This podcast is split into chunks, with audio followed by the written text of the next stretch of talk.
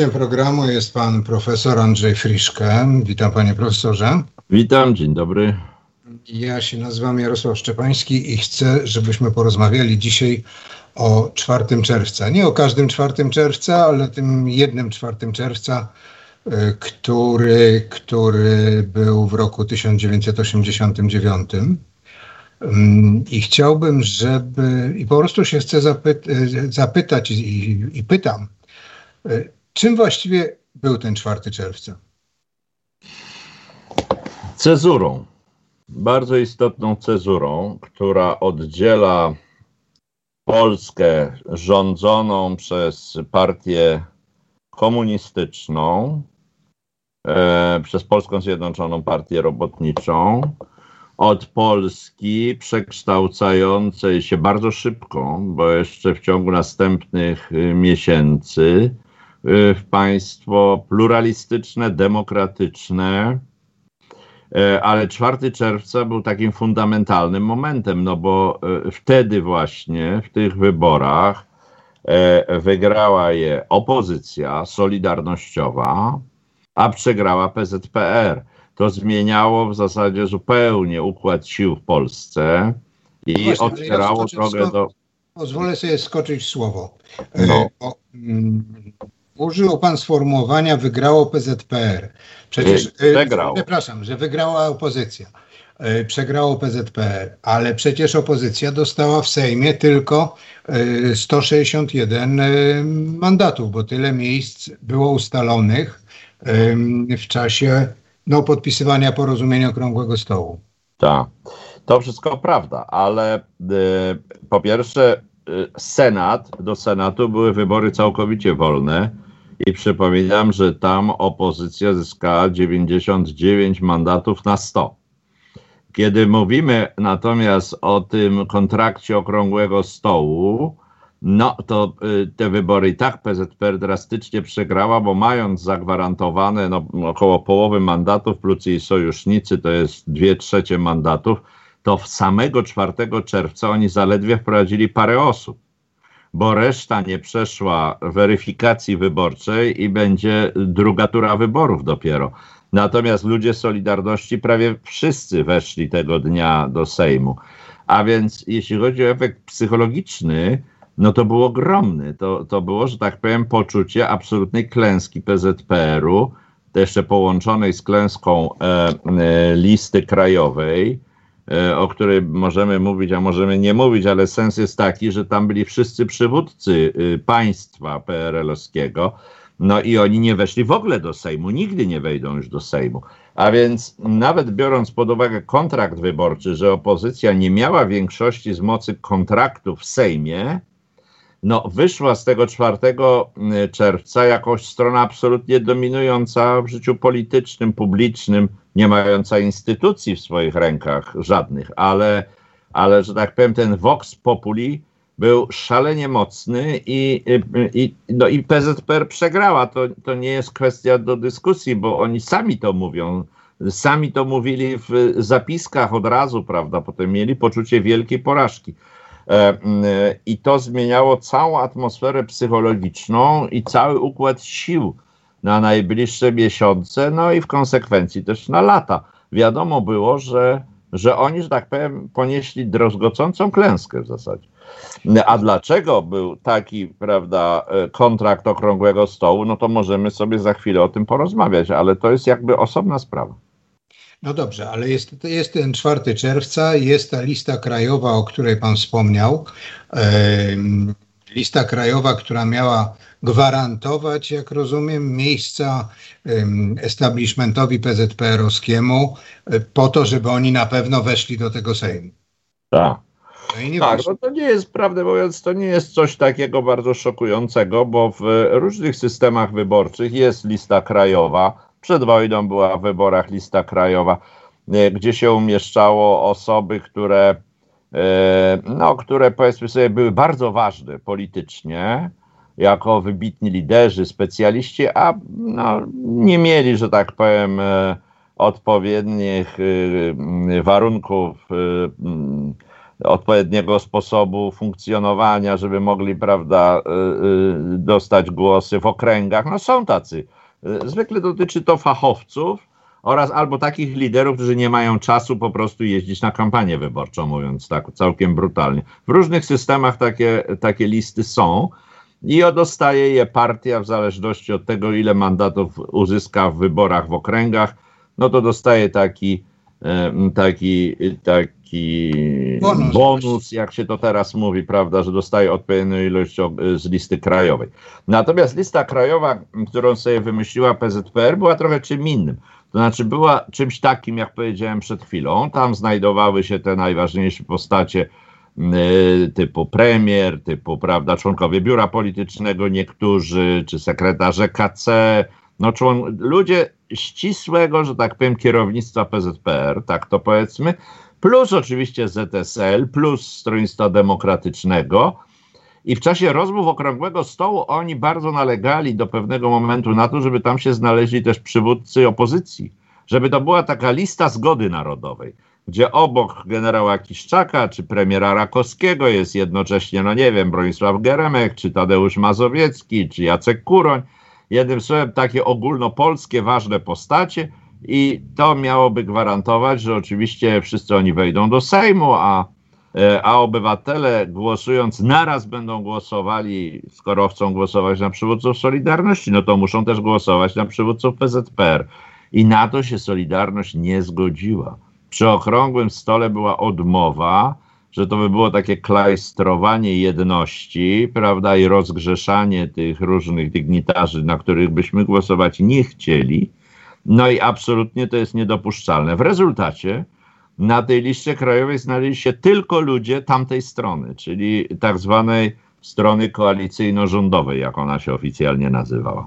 E, no, w gruncie rzeczy przywódcy PZPR tam najwyżej. No i oni nie weszli do Sejmu. No, nie muszę mówić, bo to jest chyba oczywiste. Jeżeli ten klub sejmowy powstał, mm, e, no powiedzmy PZPR-u bez liderów, z posłami z okręgów e, wyłącznie, E, e, prawie nikogo tam nie było z tych dotychczasowych przywódców, no to to zmieniało układ sił całkowicie. On, ten klub nie był tak sterowalny, nie był taką e, siłą, no ci liderzy znaleźli się poza Sejmem.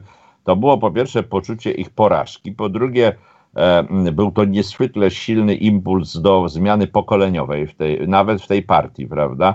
Na tej fali no, wyrósł na przykład Aleksander Kwaśniewski, który zresztą też się nie dostał do Sejmu, bo też był na tej liście krajowej. E, I, e, no a z drugiej strony, po stronie opozycji, wszyscy liderzy, ci, którzy kandydowali, weszli. Jednym słowem, to był bardzo silny efekt psychologiczny. I ja myślę, że mm, w ogóle w procesach historycznych, takich przełomowych, efekt psychologiczny jest bardzo ważny. On jest oczywiście trudno uchwytny, bo E, nie tak łatwo go odtworzyć niż jakieś zapisy prawne czy jakieś wypowiedzi liderów, ale to coś, co jest w powietrzu, co się czuje, prawda, to szalenie określa możliwości polityczne różnych stron. To przypomnijmy może, bo nie wszyscy, a już szczególnie młodzi nie wiedzą, może nie, mogą nie wiedzieć, e, że PZPR to jest Polska Zjednoczona, to była Polska Zjednoczona Partia Robotnicza. Działała od e, grudnia 1948 roku, no praktycznie do, e, do grudnia, nie, do stycznia 1990, kiedy się rozwiązała. No ale i to było po 41 latach, to był taki moment, w którym rzeczywiście no, dostali, no, dostali pstryczka w nos, można powiedzieć. No tak, i żeby dopełnić tą charakterystykę, trzeba powiedzieć, że to była partia, która rządziła w Polsce wszystkim. Rządziła rządem, rządziła Sejmem, rządziła szkolnictwem, kulturą, mediami, e, e, e, gospodarką, sportem, wszystkim, tak? Znaczy e, system był taki, że ludzie PZPR wyznaczeni przez odpowiednie instancje e, PZPR, no te najwyższe instancje wyznaczały na najważniejsze stanowiska, kontrolowali całe państwo i właściwie całe życie społeczne. W związku z tym partia rządziła wszystkim, można powiedzieć, i no i właśnie, i te, dlatego też ten przełom psychologiczny był taki ważny, że on nie oznaczał tylko zmiany w rządzie, ale w gruncie rzeczy załamanie się tego mandatu, nie mandatu do zarządzania województwem, zarządzania gminami, zarządzania ministerstwami, zarządzania kulturą, wszystkim, prawda?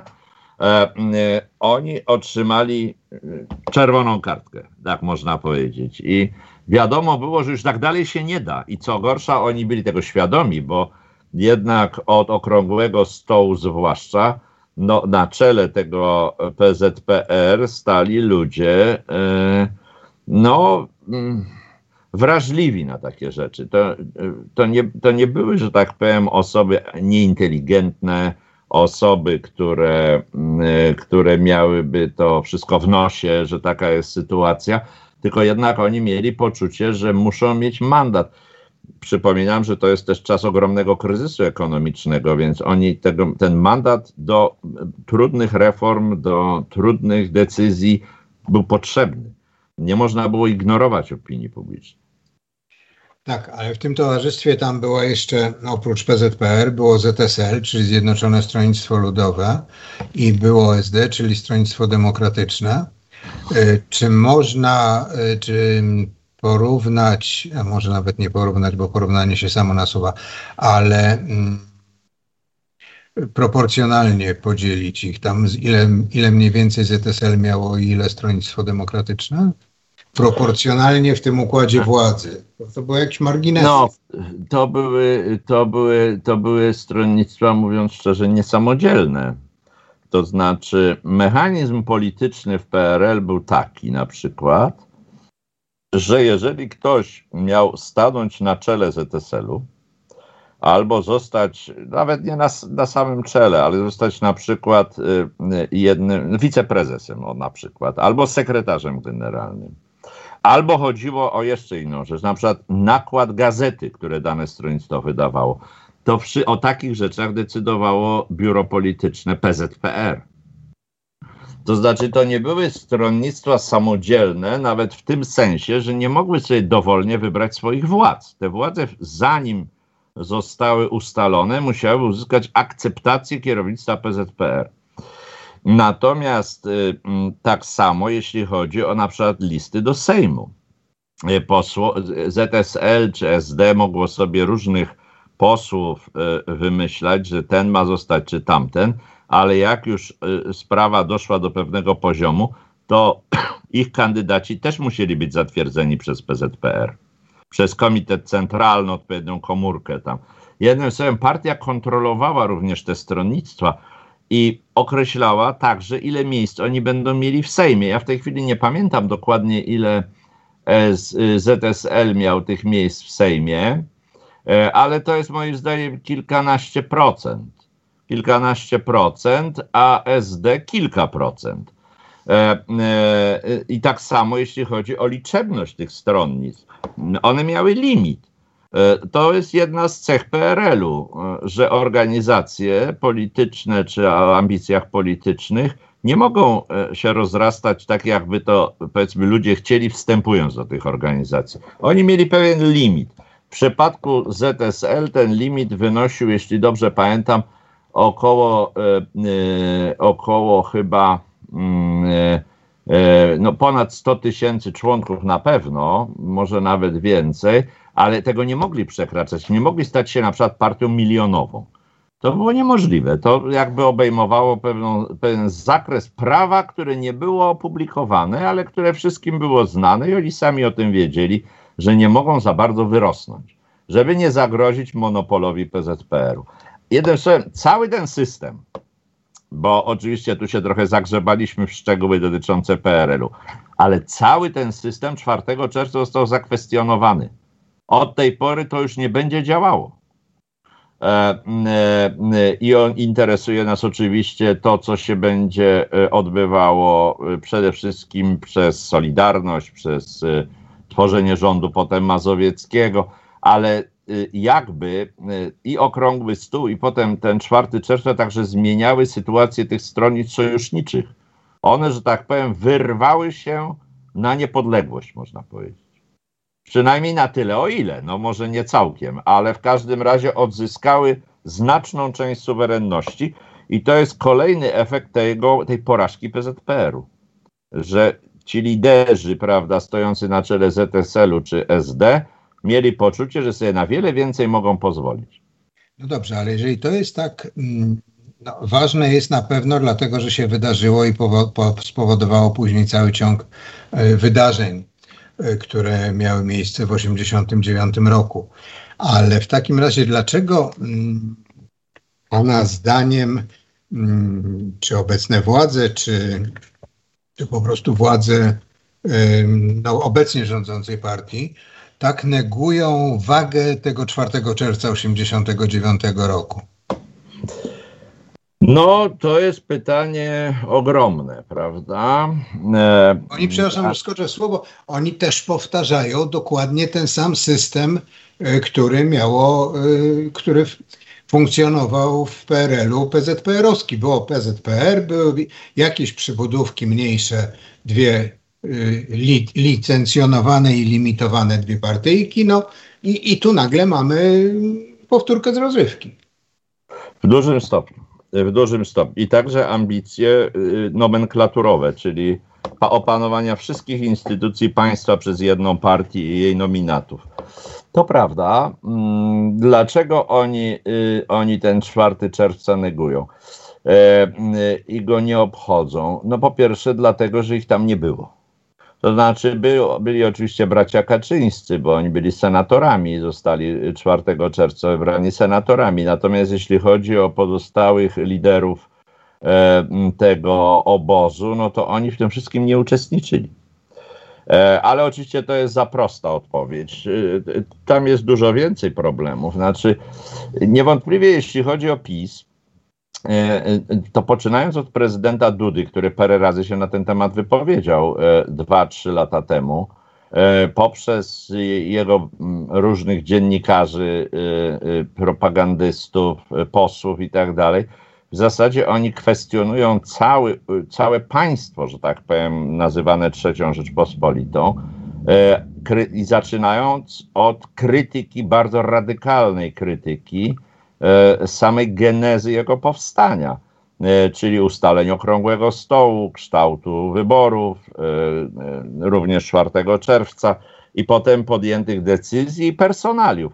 Kwestionują wszystko w zasadzie, a zatem to jest część takiej polityki delegitymizacyjnej, mającej, że tak powiem, wmówić społeczeństwu współczesnemu, że to właściwie jest bez znaczenia skąd to się bierze? No to się bierze w jakiejś mierze też z takiej narracji, która przesuwa politykę z e, myślenia kategoriami rozwiązywania spraw i ewolucji.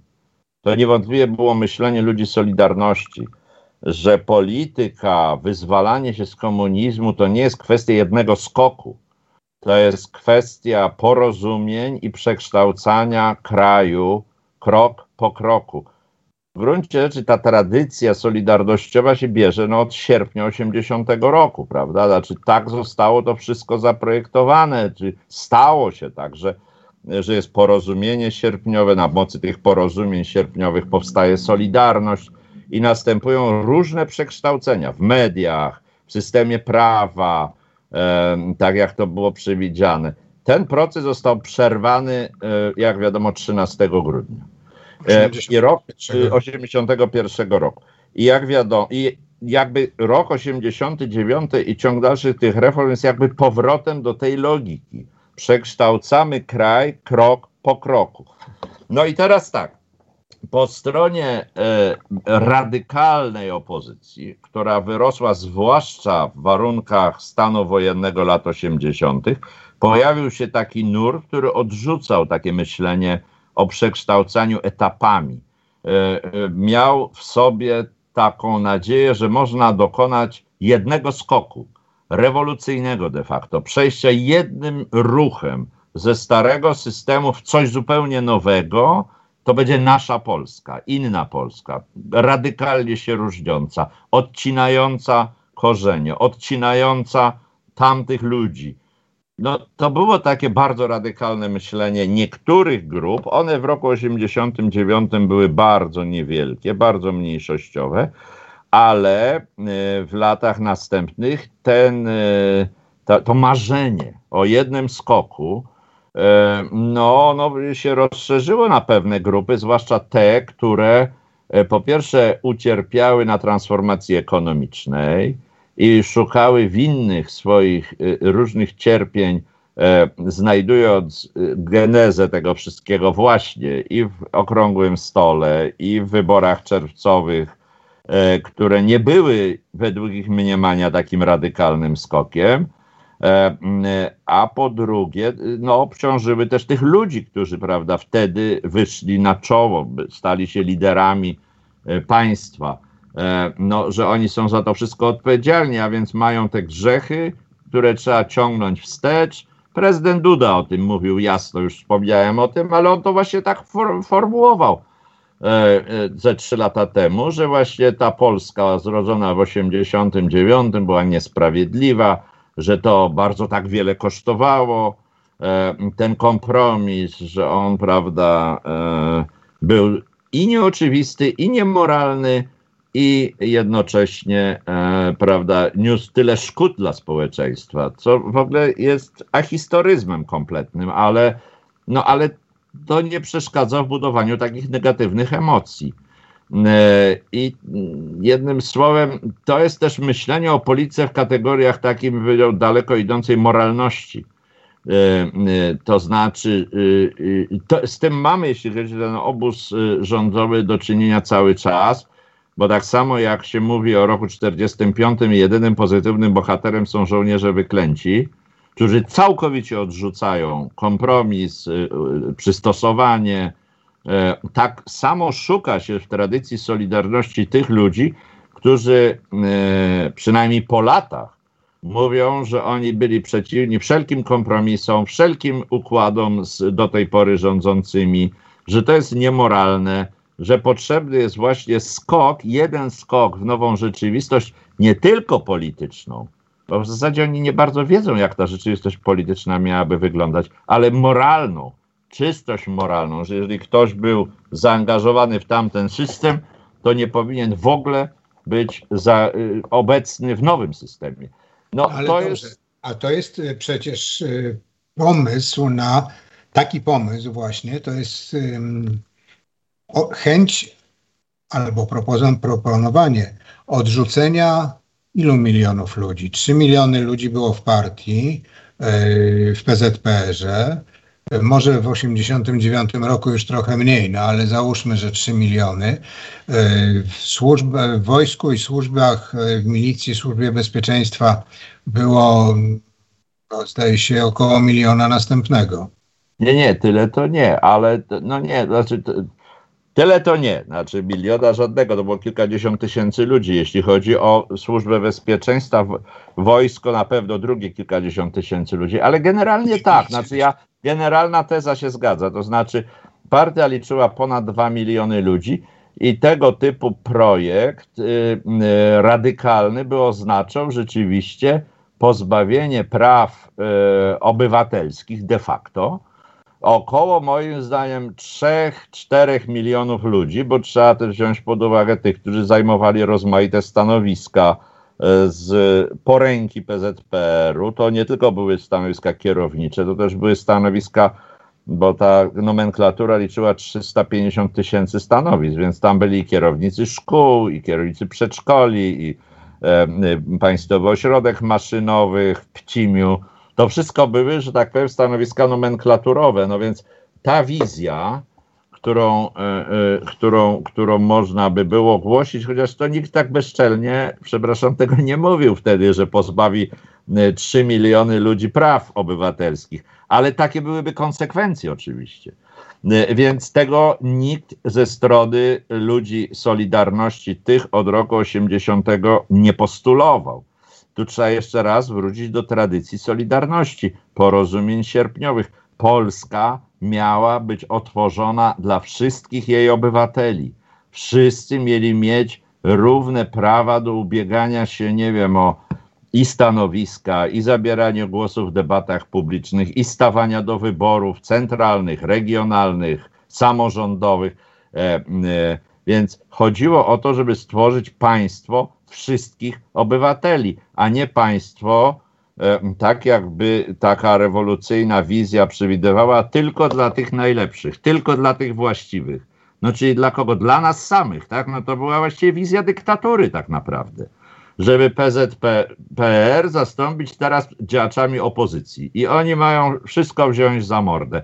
Bo realnie by taka rzecz musiała do tego prowadzić. Nie da się, że tak powiem, pozbawić praw obywatelskich 3 miliony obywateli i zachować demokratyczne państwo.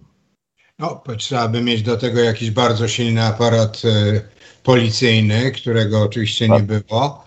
E, opozycja nie miała i E, i do tego jeszcze bardzo silne zaplecze gospodarcze, którego delikatnie mówiąc też opozycja nie miała, bo, no bo, bo nie miała. No. no bo nie miała, ale to wszystko jest w ramach takiego gadania, bo nawet nie mogę tego powiedzieć, że to jest debata. O roku 80 jest ignorowane kompletnie. Tyle tylko, że do pana redaktora uwagi trzeba dołożyć jeszcze jedną – Nikt odpowiedzialny po stronie e, opozycji solidarnościowej w ogóle nie rozważał takich projektów. One są wymyślone po latach dla mm, podtrzymania jakiejś takiej radykalnej wizji. Ktoś, kto by coś takiego proponował w roku 89, byłby, że tak powiem, potępiony przez same społeczeństwo, bo w Polsce nie było miejsca na taki radykalizm. Nie no, było miejsca na takie. Korwin-Mikke wyskakiwał z takimi pomysłami. Kto tam jeszcze? Y, no, Właśnie nie wiem. Ci nawet radykałowie jak Konfederacja Polski Niepodległej czy e, Solidarność Walcząca, e, to były małe grupy wtedy, ale one też nie mówiły o tym, żeby odebrać ludziom prawa obywatelskie. Mówi, oczywiście się nie zgadzały na kompromis, kwestionowały e, ten podział mandatów ale ograniczały się do hasła wolnych wyborów, całkowicie wolnych wyborów, ale nie odbierania praw obywatelskich ludziom, którzy byli zaangażowani w poprzedni system. To by było, to na następnym etapie się pojawiło, na takim etapie radykalizowania opozycji przeciwko tak zwanej grubej kresce, prawda? E, to jest następny etap. że to była gruba linia, a nie gruba No tak, dokładnie. Dokładnie, gruba linia i miała inny sens, ale teraz się odwołuje do tego potocznego, już zakłamanego obrazu, że tu, prawda, chcą budować y, państwo dla wszystkich, a wpływy ludzi dawnego establishmentu są większe, bo były większe relatywnie, bo oni rzeczywiście, to trzeba powiedzieć, no, mieli kadry, y, kadry y, gospodarcze, mieli kadry wojskowe, mieli kadry e, milicyjne, no mieli, no i to, to tym bardziej, że tak powiem, uniemożliwiało e, jeden skok. E, to, to by było niemożliwe, bo nie, no nie można zaatakować, prawda, i odebrać prawa e, obywatelskie, materialne i tak dalej e, grupie ludzi, którzy tworzą aparat urzędniczy, e, policyjny, nawet sądowniczy. No nie można, znaczy to to by wymagało wojny domowej w gruncie rzeczy. A no, nikomu na szczęście taki pomysł do głowy nie przychodził w 1989 roku. No tak, jeszcze trzeba pamiętać, że mieliśmy y, totalnie inną sytuację geopolityczną, bo Oczywiście. na południu była Czechosłowacja, na zachodzie graniczyliśmy z Niemiecką Republiką Demokratyczną. Stacjonowało tam, o ile dobrze pamiętam, półtora miliona wojsk radzieckich. No już wtedy trochę mniej, ale wystarczająco. Ale wystarczająco, tak, żeby... W Polsce też stacjonowało około 100 tysięcy. No i to, to wszystko było, działało, funkcjonowało, a pozostała granica to był Związek Socjalistycznych Republik Radzieckich. To była zupełnie inna, inna konstelacja niż, niż ta, w której, w której jesteśmy. Tak, i do, do tego, że tak powiem, może trzeba też dopowiedzieć, że tak wychodząc naprzeciw różnym o, oskarżeniom. I, i, I to było też tak, że prawda, świat, Ameryka, państwa zachodnie, świat zachodni, y, on absolutnie nie chciał, żeby Polska destabilizowała Europę.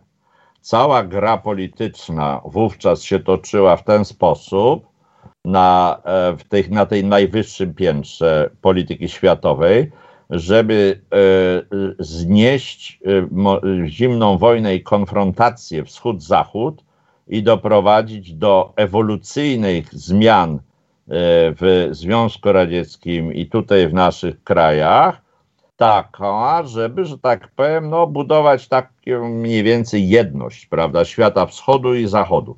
Myśmy i tak wyszli przed szereg w stosunku do, mm, do tego, co powiedzmy tam sobie wyobrażano w Waszyngtonie czy w Londynie, no, tworząc właśnie fakty dokonane 4 czerwca. I zwracam uwagę, że to jest nie tylko ja to mówię tak, bo wiem. 4 czerwca prawda, 1989. Tak jest. E, ja nie tylko to mówię tak, bo mówię, ale są opublikowane e, lat temu już wiele, chyba z 10, ponad 10, raporty ambasadora amerykańskiego z Warszawy, e, ale także tam są, prawda, depesze z Waszyngtonu do niego, które pokazują, no jak oni to wszystko obserwują, co się w Polsce dzieje, nie bez niepokoju. Nie bez niepokoju. I właśnie na przykład przegrana e, PZPR 4 czerwca, w tym nie wejście tych liderów partii do e, Sejmu, no to wywołało e, spore zaniepokojenie Amerykanów, żeby się ten proces w Polsce nie załamał w takiej sytuacji. Chodziło o jak najbardziej ewolucyjne zmiany, a nie jakiekolwiek gwałtowne, bo bo one, że tak powiem, musiałyby się skończyć katastrofą i załamaniem całego procesu e, no, odprężenia czy właśnie zbliżenia systemów. Musiałyby, że tak powiem, skutkować odrodzeniem się twardych frakcji, które by broniły niezmienności imperium. No i to w ogóle nie, nie sposób było tym ryzykować. To, że tak powiem, polityka zachodnia y, absolutnie nie brała takich rzeczy pod uwagę. E, że słuchacie Państwo, mm, słuchają Państwo mm, profesora Andrzeja Friszke. Rozmawiamy o 4 czerwca 1989 roku i o tym, co się wydarzyło, co się działo i dlaczego to było ważne. Mm, co się, jak to się stało, że od tak naprawdę od 6 y, lutego 1989 roku do połowy września 1989 roku wydarzyło się, no po prostu przewaliła się historia w Polsce. No przecież to było, no, zaczął się okrągły stół 6 lutego, skończył się w połowie kwietnia, później miały być te wybory 4 czerwca i były, i później nagle się po prostu wszystko rozleciało, zawaliło, zmieniło. Y, czy to ręka Kaczyńskich? Nie no, ja bym powiedział, że nie tylko nie ręka Kaczyńskich, ale też yy, nie ręka kogokolwiek. To jest, to jest wielki proces, który, że tak powiem, e, się rozwijał i przechodził kolejne fazy, nikt go nie projektował. Nikt go nie projektował, on tak jak zwykle to jest w historii, znaczy jedna faza określała e, następną fazę.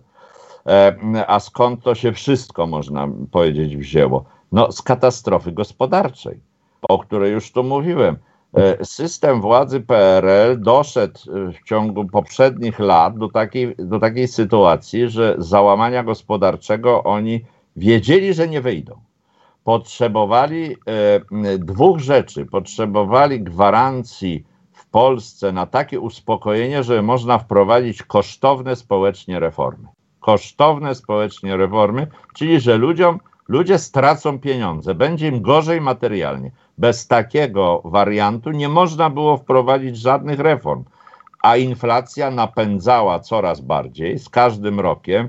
89 rok to jest suma summarum 400% inflacji i niszczyła państwo, niszczyła zasoby ludzi, niszczyła ich oszczędności, niszczyła siły nabywcze ich pensji, wszystko niszczyła. Niszczyła państwo, jego możliwości korelacji ze, ze strukturami międzynarodowymi, uniemożliwia branie pożyczek, no wszystko dramat, absolutny. Bankructwo państwa właśnie. Ekonomiści również i wtedy i dzisiaj mówią o bankructwie państwa. To jest fundament, na którym mógł się rozwinąć tak głęboki proces polityczny. Druga rzecz, no to jest właśnie Gorbaczow i ta wizja zmian międzynarodowych, która zamknie definitywnie czas zimnej wojny, czyli ostrej rywalizacji między mocarstwami. Zamiast rywalizacji Stany Zjednoczone, Związek Radziecki, no i państwa bloku, można powiedzieć inaczej, NATO, Układ Warszawski, przejdziemy do etapu współpracy i kooperacji. E, I ta współpraca i kooperacja pozwoli zatrzymać wyścig zbrojeń, umożliwi wymianę technologii, umożliwi, że tak powiem, podnoszenie się tych krajów, w tym wypadku Związku Radzieckiego, ze stanu też bardzo poważnego kryzysu. Więc ona była potrzebna w tej perspektywie e, rosyjskiej nawet i zakładała konieczność zmian ustrojowych, znaczy odejście od stalinowskiego modelu. Bo ten system z tym PZPR-em zarządzającym wszystkim, o czym mówiliśmy, no to jest model stalinowski. To Stalin wymyślił, Potem y, korygowano to trochę po 56, ale zachowując charakter tego ustroju, czyli partia kieruje wszystkim. E, to trzeba było zmienić, trzeba było wyzwolić. Ja tak wszystkim, a partią kieruje pierwszy sekretarz, e, czyli tak mamy jedynowładztwo. Tak jest, tak jest. Więc ten system był wiadomo już, że bardzo nieefektywny. Jego logika wewnętrzna prowadziła do no do fałszy sprawozdawczości, do zakłamywania sytuacji. Najbardziej tego drastycznym wyrazem jest spóźniona reakcja na katastrofę w Czarnobylu, no bo właśnie nie wypada, że tak powiem, sekretarzowi z terenu meldować do Moskwy, że jest jakaś katastrofa, bo on będzie pierwszym winnym. Więc ten system, że tak powiem, e, blokował nawet tego rodzaju sytuacje, że się nie donosi złych wiadomości do góry, a więc wszystko się fałszuje. I oni już o tym wiedzieli.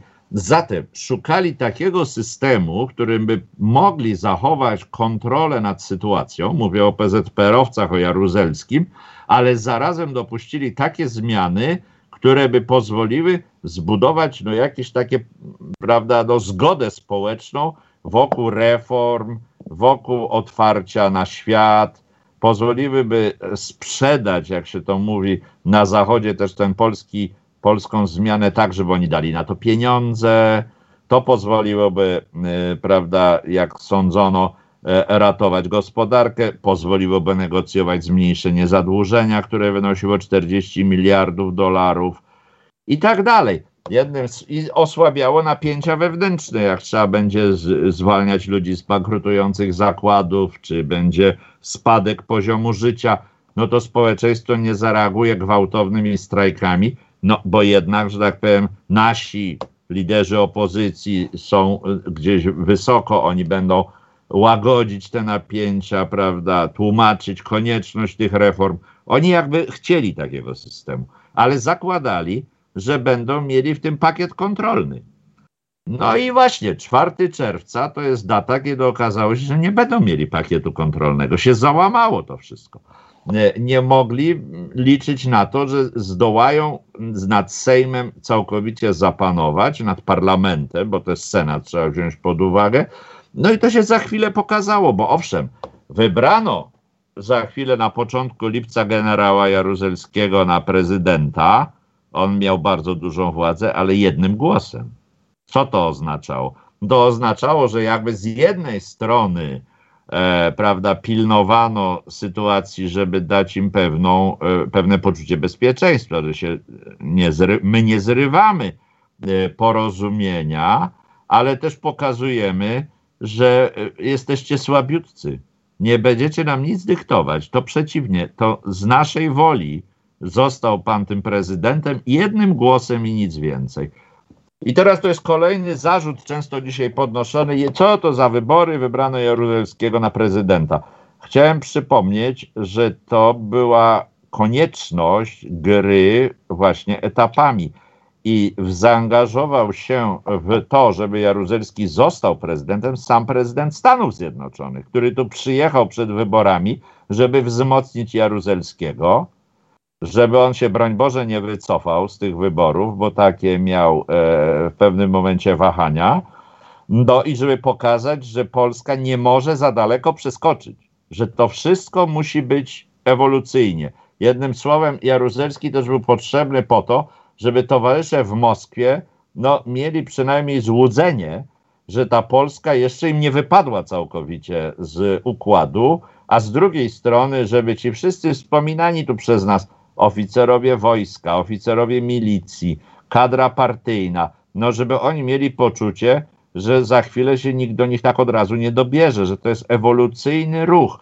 I na to kiedyś, na tą logikę taką właśnie krok po kroku, z zachowaniem dla dawnego aparatu władzy miejsca w nowym systemie, kładziono nacisk jako na mądrość polityczną, która też umożliwiła przeniesienie się tego modelu obalania ustroju komunistycznego do innych krajów, bo prawda, czy aksamitna rewolucja w Czechosłowacji, czy prawda, bunt w NRD, czy przemiany na Węgrzech, które będą miały miejsce. Wszędzie tam e, te zmiany będą postępowały według zbliżonego modelu, w tym sensie, że w żadnym z tych krajów nie odbędzie się zmiana taka, że prawda, ludzie poprzedniego władzy, poprzedniego establishmentu, nie wiem, idą do więzienia, będą rozstrzeliwani, nic z tych rzeczy. No, Jednym słowem. Zamiast liści będą wisieć komuniści. Tak jest, ale to oznacza, że dla nich, że tak powiem, upadek systemu, którym kierowali, byli na jego czele, nie oznaczał końca ich życia, końca ich, nie wiem, rodzin, możliwości zarobkowania. No nie był katastrofą. Był może i niewygodny dla jednych bardziej, dla drugich mniej, ale to nie była katastrofa, a zatem ten, ten establishment poprzedniego systemu się dzielił. Jedni myśleli, że wskoczą, będą robić tutaj nadal, prawda, kariery, no będą mieli ustabilizowane życie, inni pójdą na emeryturę, ale to nie jest zagrożenie śmiertelne, że tak powiem, dla nich. A więc nie ma co bronić się tak, żeby ryzykować własne życie, mienie i tak dalej. Ten model przemian, e, jednym słowem, stał się w jakimś sensie uniwersalny e, i zapewniający stabilność, bezkrwawość tego procesu e, i możliwość, że tak powiem, utrzymania tych krajów w pewnym ładzie elementarnym, no oraz ich miejsca na arenie międzynarodowej. Znaczy to wszystko, co my dzisiaj słyszymy ze strony tych radykałów, jest w zasadzie nieprzytomne, bo ignoruje e, i e, ignoruje rzeczywistość. Ignoruje rzeczywistość i to zarówno wewnętrzną, gospodarczą, społeczną. E, no jest jakby przyzwoleniem na, nie wiem, na rzeź przeciwników. No bo przecież to takie gwałtowne zmiany musiały być krwawe. I, i, i, bardzo krwawe nawet prawdopodobnie. Ignoruje też miejsce w, w, sferze międzynarodowej danego kraju ignoruje sytuację zwykłą materialną ludzi, że jednak każdy chce na pierwszego dostać swoją pensję, tak? E, no, przy takiej rewolucji się nie dostaje pensji. Trzeba żyć tak, y, jak można. Ukraść coś albo sklep obrabować. No, rewolucje na tym polegają. W związku z tym to jest wszystko, co słyszymy, jest kompletnie nieprzytomne w gruncie rzeczy. Nie nadaje się na poważną debatę. No ale czy to jest powodowane tylko swoją własną polityką bieżącą, czy po prostu brakiem y, rozsądnego myślenia o, o tym, co się wydarzyło 32 lata temu? U niektórych jest spowodowane brakiem racjonalnego myślenia, y, kompletną niewiedzą bardzo często E, z debaty publicznej od wielu lat zniknął na przykład wątek kluczowy, czyli stan gospodarki, właśnie to bankructwo państwa. O tym się w ogóle nie mówi. E, e, jest, no ale powiedzmy, że nie wszyscy są tacy, takiej wiedzy nie mają, że są książki, artykuły na ten temat, już nie mówię, że opowieści dziadków czy rodziców. No. Nie, no to jest magiczne myślenie, to jest myślenie czysto ideologiczne, podporządkowanie mm, rozważań historycznych, a budowaniu określonych postaw, określonych emocji. Więc proces całkowicie cyniczny i manipulacyjny wobec, y, wobec przeszłości. E, no i dlatego w gruncie rzeczy nie ma możliwości toczyć. Ostatnia taka poważna debata, muszę powiedzieć, no, niech to zabrzmi jednak, Ostatnia poważna debata o przemianie 89 roku, którą toczyli ludzie zbliżeni, no tak jak ja powiedzmy, nie będę przecież tego ukrywał, czy jak pan redaktor, do tego obozu, który jakby brał odpowiedzialność za te przemiany, prawda, bo Całkiem związany z Solidarnością, Obywatelskim Klubu Parlamentarnym, rządem mazowieckim, a tą stroną kwestionującą, taka debata była. To był, y, proszę Państwa, rok 2009 w Pałacu Prezydenckim u Lecha Kaczyńskiego. Ja tam byłem, było około 30 specjalistów i toczyliśmy debatę i wniosek był jeden, to był jedynie możliwy proces. Okrągły stół, wybory czerwcowe, rząd Mazowieckiego. Spór na przykład z Lechem Kaczyńskim zaczynał się o politykę rządu mazowieckiego w roku 90. Prawda? Jak zaczęła się wojna na górze. To znaczy prezydent Kaczyński, pamiętam, wtedy mówił, że rząd mazowieckiego bardzo dobrze, początek bardzo dobrze, ale potem potrzebne było przyspieszenie, e, prawda, usunięcie Jaruzelskiego i tak dalej. Ale to dopiero od tego momentu jest ten spór. Natomiast to, co w 89 jedynie możliwy ruch i działania Innej alternatywy nie było. Nie było żadnej realistycznej. No, nie wszyscy się tam z tym zgadzali całkiem, powiedzmy, były tam jakieś sprzeciwy, ale jeśli chodzi właśnie o Lecha Kaczyńskiego, to on dokładnie to mówił. Warto o tym pamiętać. Bardzo dziękuję. Gościem programu, gościem Państwa był pan profesor Andrzej Friszka. Rozmawialiśmy o 4 czerwca 1989 roku i o tym, że było to bardzo ważne wydarzenie zmieniające nie tylko Polskę, ale zmieniające świat. Dziękuję bardzo za rozmowę. I ja bardzo dziękuję. Jarosław Szczepański, do usłyszenia. Wspieraj niezależne Halo Radio, które mówi wszystko. www.halo.radio ukośnik SOS. Dziękujemy.